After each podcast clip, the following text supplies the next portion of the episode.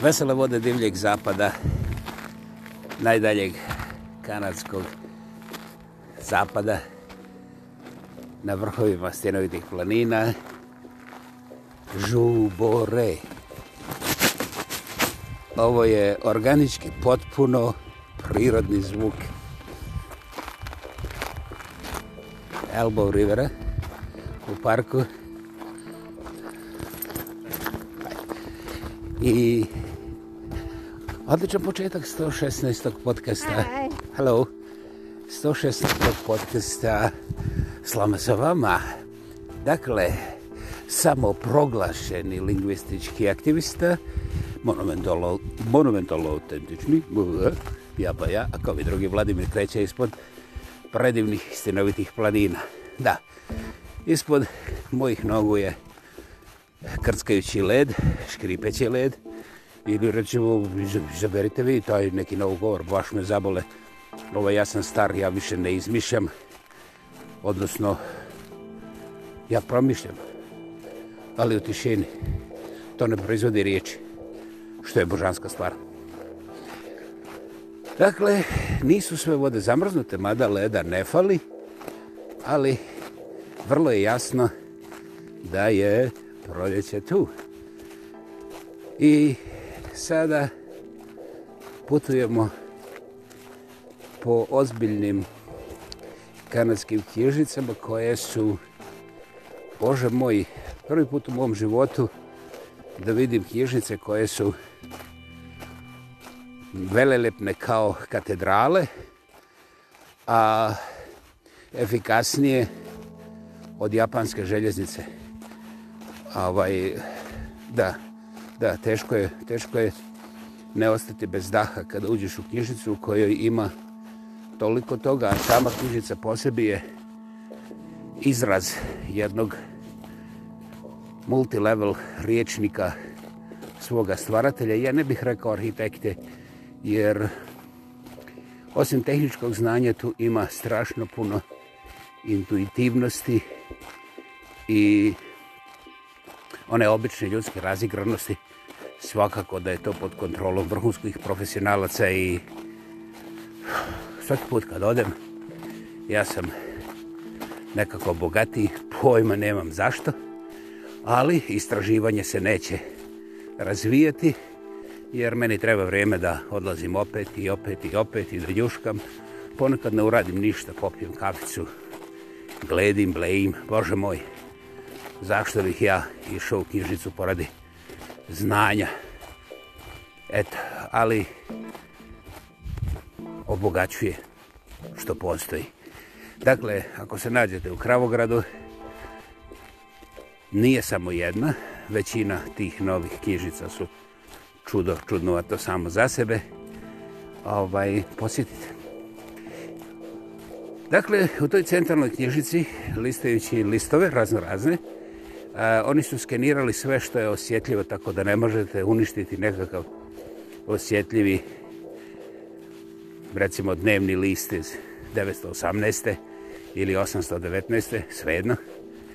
Tako da bezbrižno možete listati, onda možete posuditi, možete kopirati.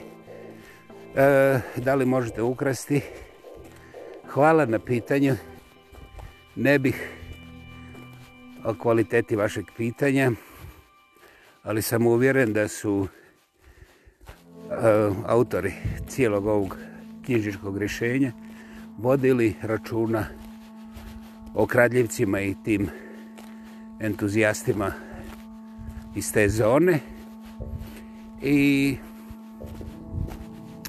sve što uzmete um, zapravo obilježava vas, da skratim da ne bih ulazio u te neke dosta jednostavne, ali nepobitno inovativne i fantastično funkcionirajuće elemente zaštite svih tih dobara koje knjižnica ima u sebi.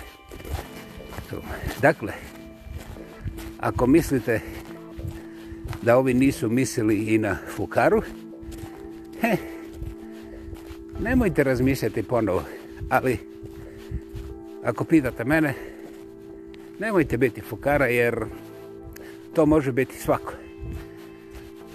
E, da, tu se završila priča.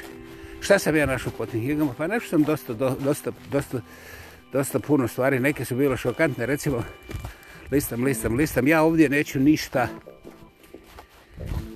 precizirati iz zilion razloga. Izdvojam razlog u kome ja ne želim da otvaram javnu debatu ponavljam, ne želim da otvaram javnu debatu. A, međutim, to ne znači da argumentiranu kritiku odbijam. Ne. Ja ću je svakako i pogledati, i pročitati, i prostudirati. Naime, razlog je vrlo jednostavan. Ja nisam najpametniji i moje oči nisu najpouzdanije za svakoga. Najpouzdanije su za mene. Što? Što? je, priznaćete, a priznajem i ja, vrlo daleko od objektivnog objektiviteta, skratimo, od one stvarne objektivnosti, jer ja mogu da budem uzbudržen, ovaj, možem da bidnem stimu, stimulirisan, stimuliriririririsan, jeste, jeste, kad se popim sedam piva, tek onda počinje liririririsanje, a stimu, stimu, stimu, stimu, šta je znam, to je nešto drugo. Dakle, E, kada imate čovjeka koji je uvijek objektivno 100%, zaobiđite. Jedini koji to stvarno može je Bog.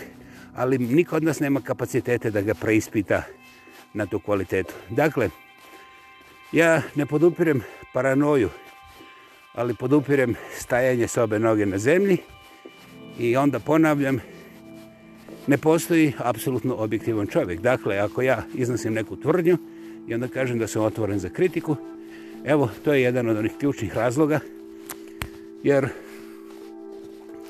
ako sam ja krivo vidio, odnosno ako moji kapaciteti, mentalni, duhovni, intelektualni i svi ostali, nisu bili na nivou da protumače pravilno informaciju koja mi je bila pred nosom, a što je vrlo Hej, stani malo. Da, a što je vrlo, vrlo lako moguće, ne samo meni, dešava se čak i ovi... Dobro, ljepši od mene ne postaje. Ček, ček, ček. Ma ni pametni. Ma dobro. Ni obrazovan. Jest, jest, joj. Joj, što sam skroman. Jel tako? Pa eto, vidiš. Dakle, sad smo riješili sve nerješenosti. Idemo proizvojiti nove.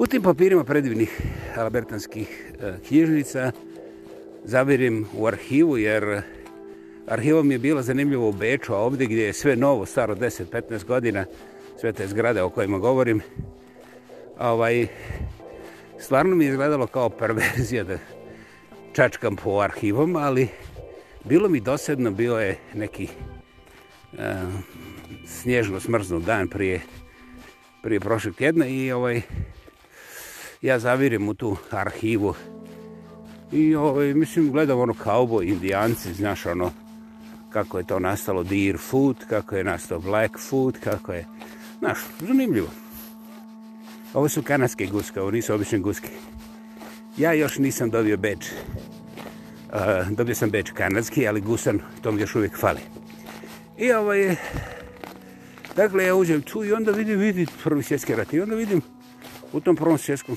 ratu, posebno ljudi sa zapada Kanade su korišteni ono kao topovsko meso da zaštite ove imperialne vojnike koji su dolazili iz Britanije. Ovaj, nevjerovatan, nevjerovatan pokolj. Um, ja neću čak ni da spovinjem brojke, ali um, kasnije i u, drugom svjetskom, u cijelom drugom svjetskom ratu i Kanada i Amerika nisu izgubile ni polovicu onoga broja ljudi koje je Kanada izgubila u tom takozvanom za njih velikom ratu, a zapravo za nas prvom svjetskom ratu. Meni je to bilo bolno jer gledajući fotografije tih ljudi, naravno stare, prastare fotografije, ali se vidi sa kojim ponosom su cijele familije isprćale svoje junake u boji. Kako prerija nije potpuno umrla poslije toga prvog svjetskog rata, a, najozbiljnije meni je nejasno. A, da li sam ja te ljude ovaj, zavolio? Suvišno pitanje. Ja jednostavno ne mogu da formuliram kako je to osjećanje stajati pred tim prekrasno postrojenim sretnim ljudima koji odlaze na put okolo planete, jer ipak i danas kada se ide na aerodrom, znaš, ima malo strah, može avion da sklizne. Ali u ono vrijeme se putovalo uh, danima i mjesecima. I oni su svi bili sretni, poletni i nije bilo nikakve sumnje Ja sam pokušao u tim arhivama da nađem barem statističku, statističku ovaj stavku defetizma koliko je ljudi odbilo da se bori recimo zbog religijskih uvjerenja, ne zbog političkih. Naime, ta stavka defetizma na tom dalekom divljem zapadu Kanade čak ni statistički ne postoji. Ja, zbog načega, vjerujem službenoj statistici, jer e, duh vremena i zajednice koji je tada postojao nekako i polupismen odmah razumije kad pogleda barem dvije te fotografije. Dobro, jedna je dovoljna, ali kad pogledaš dvije, onda nema sumnje da ništa od tog nije fotoshopirano. Um, usudio bi se reći nešto što može zvučati glupo, ali vas zamoljavam da razmislite ponovo. U svim tim fotografijama ja nisam vidio političke propagande.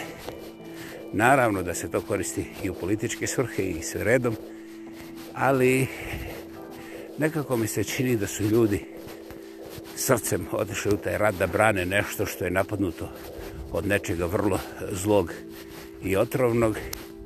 Tako da nije bilo pitanja koliko treba krvi znoja, a i dolara. Da li se to zove naivnost ili hrabrost? Neka raspravlja ko voli, a ja ću da se vratim sto i neku godinu na ovama i zavirim dalje u arhivi i tamo nađem Ante Pavelići. Jeste, dobro ste čuli, Ante Pavelić u arhivi daleko divlja zapadne novoizgrađene moderne knjižnice i ima čak fotografije lijepe cvikere kao John Lennon, ali čovjek ne svira, nema tamburu, bio je zubar, bio je purger, sad dolazi ono najteže i bio je veliki Jugosloven koji je otišao u Beograd da se zahvali ovome srpskom, onda jugoslovenskom kralju na svemu što je učinio za ujedinjenje južnih Slovena. Taj čovjek je bio potpuno purger, ono, potpuno urbanizirana ekipa, potpuno urbaniziran i vrlo jasno profiliran, profiliran intelektualac koji je u svemu bio pravi centraloeuropski gospar. Čovjek koji bi danas imao mjesta u zagrebačkim društvima intelektualaca, duhovljaka, umjetnika, znači kreme cijelohromskog društva. I vidim fotografiju, onda ne vjerujem, ispod to je opis Ante Pavelić Jugoslave, lijevo desno, godina kad je on počeo da piše nešto da drago ima je 1914. Je, dobro ste, dobro ste razumeli, Ante Pavelić je 914. godine u Zagrebu razglabao o jugoslovenstvu. Naravno, i izrazi ideje su došle od slovenečkih svećenika, ali Ante Pavelić je to u Zagrebu odmah proučio i nije imao nikakvu sumnju šta se njemu dopada posebno kontra svega onoga što je Hrvatsko okruživalo u to vrijeme. I onda nastaje mrak. Ja sam, ne čitajući sve do kraja, naravno, jer to je o, dosta obivan a, arhivski materijal, koji ja, priznajem, nisam imao... Znaš, bombardirao je sve ono što sam ja znao ovaj, to je mislio da zna. I taj arhivski natpis, ja sam kasnije gotovo se posuđao sa ovim knjižičarom, vrlo, vrlo, vrlo jednom moćnom gospođom koja je multidisciplinarni geni, nevjerovatno obrazovana, staložena. I ja nju pitam da li ona zna ko je Ante Pavlović. Ona na svoj kompjuter zigi, zigi, zigi, kaže samo da provjerim, da, kaže to je to. Ja kažem, pa da, i mojim, bukam, mojim knjigama, ali ja sam otkrio ovo. A, kaže, ja znam za to. I upravo ta gospođa mi je dala snagu da ja vama danas ispričam o ome, jer ona nema nikakve veze sa Balkanom, čak generacijama, ali ovaj ima nevjerovatno znanje, poznavanje arheo, o, o, arhivske građe, nema nikakve političke interese, niti ekonomske interese, čak bilo gdje u Europi. Tako da u slučaju tih nekakvih kritika i jauka, ja ću vrlo rado nju intervjuirati, jer materijal je ogroman. Ja ne želim da materijal potražujem po bečkim arhivoma ili po bilo čim drugim, jer sada otprilike razumijem kako se arhive uništavaju sustavno kad neko dođe na vlast i onda isto tako kako uvijek postoji jedan procenat ljudi tu u tom lancu uništavanja koji zbog bilo kojih razloga nije sretan što se uništava povijesno tkivo, štivo, materijal, dokazi, arhiva, onda biva modificirana kako pobjednici hoće, ali neke nužne i velike arhivske komade, ti neki bezimeni nije mi dobročinitelji spase i onda to izroniti šta je znam u Japanu, na kraju Kanade, ne znam gdje, možda sutra će otkriti na Marsu, ne bih se ovome smio. Dakle, odem ja kući sa tim saznanjem o Anti Paveliću i ovoga, sve mi ključa, nije mi jasno, jer taj Ante Pavelić, ovaj, gledam, nije pomenut ni u hrvatskim izvorima, pogotovo ne u srpskim, mislim ono kao razumije se, Bože moj šta se razumije, jel'i? I ovaj, pošto poznajem nekoliko moćnih ljudi, za mene personalno je bio najvažniji jedan, ja mislim, akademik. Nije mi jasno zašto on to titulu ne koristi, ali e, kalibar akademika sasvim sigurno. A čovjek sa nevjerovatnim životnim iskustvom, obrazovanjem, znanjem, izuzetno stabilan i živi u Beču već duže vremena, ima enciklopedijsko poznavanje balkanskih kretanja i sadržaja u puno dužem periodu nego što ja to sebi mogu dozvoliti da uopće kažem. I kažem ja njemu, pogledaj šta sam našao u dalekom divljem zapadu, kuj koga ovdje razumiješ ti mene, daj me obrazuj, mislim, jer mi nije jasno, ja sam završio neke škole. A nema, brate, ništa od toga. Ja mislim, ono, očekivo bi barem da u ove ratne svrhe međusobnog pljuckanja neko pomene toga Antu Pavelića, međutim, nema šanse, što kažu ovi stari latini, da, tako se, se oni izražavali, samo vi to ne znate jer ste radili neke druge stvari sa Markom Keseđijom i Musom Kraljevićem. Ali o tome ćemo sutra, malo sutra. I ovaj, ja sam mislio da će čovac, ako me ne prašuti, da će me barem i smijeti i reći, dijete moje, znaš, kaubo izmišljaju svašta, pogledaj malo južnije Hollywood, znaš, oni imaju i Marsovce tu da začine stvar. E, nije bilo Marsovaca, nije bilo i smijavanja. Ovo je doista čovjek koji spada u plenstvo ljudskog uma, duha i sluha. I onda on meni napiše jedan esej sa detaljima o Anti Paveliću, Zuvaru, Jugoslavenu.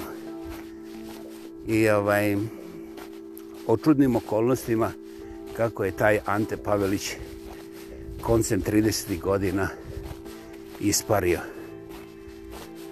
Ja sam zanijemio, a u dodatku on meni kaže, gledaj,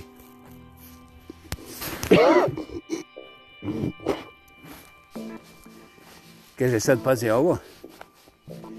Ovo je zapaljivo i kaže mi, da li ti znaš da u tom istom prvom svjetskom ratu je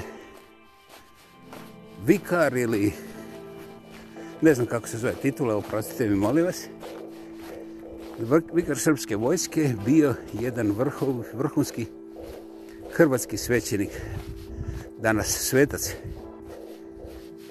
Čitam dalje.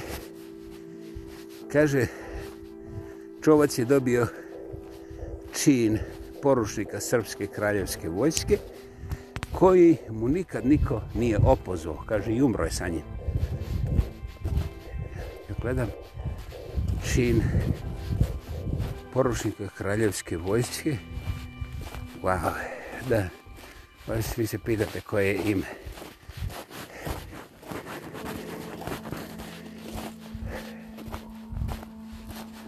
Ja, veličasni stjepinac. Da, da, dobro ste čuli.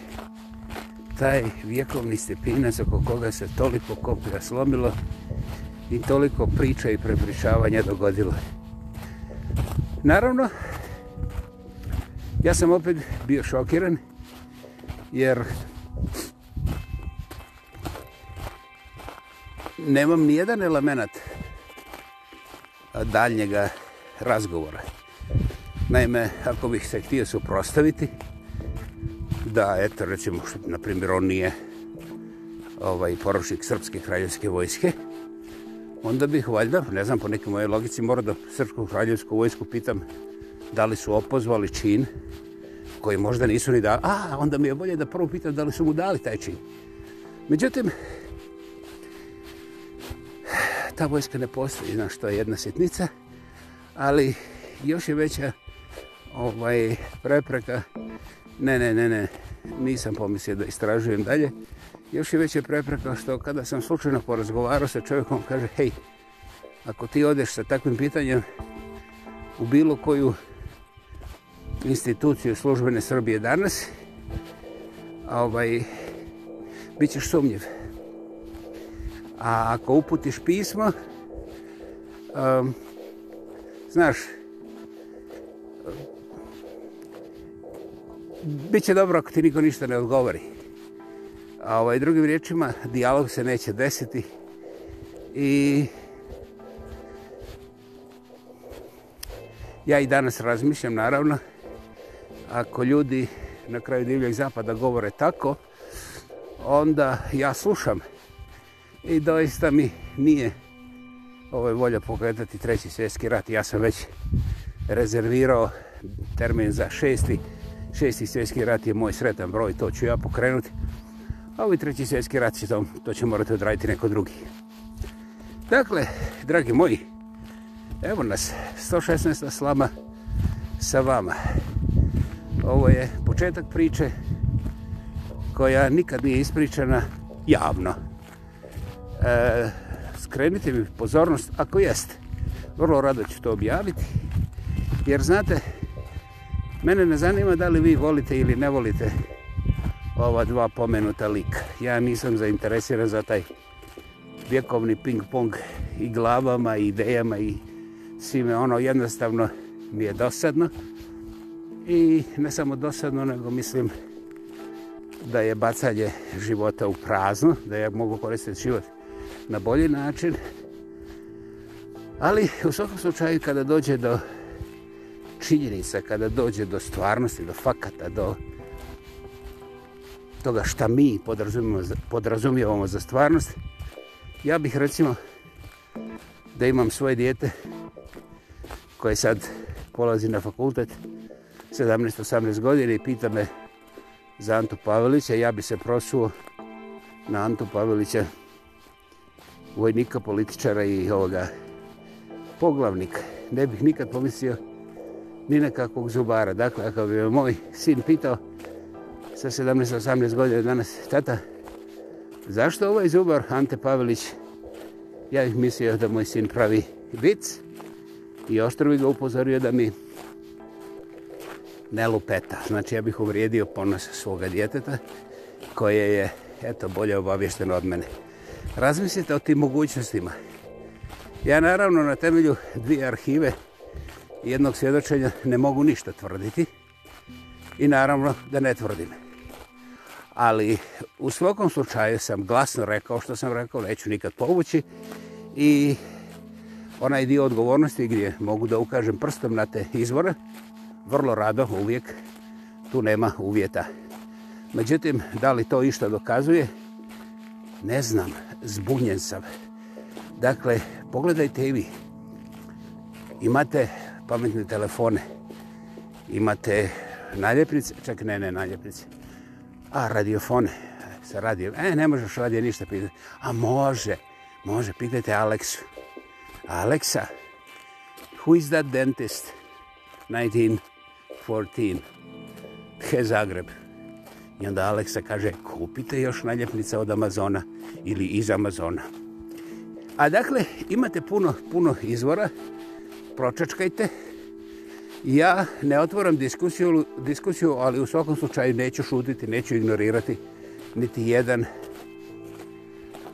onako odmjeren nastup, primjedbu ili možda čak neki novi detalji, neku novu faktografsku uh, materiju. Hvala vam. Bila je ovo slama sa vama 116. put. Ja pa ja, ako bi drugi Vladimir kreće ispod predivnih stjenovitih planina. Hvala.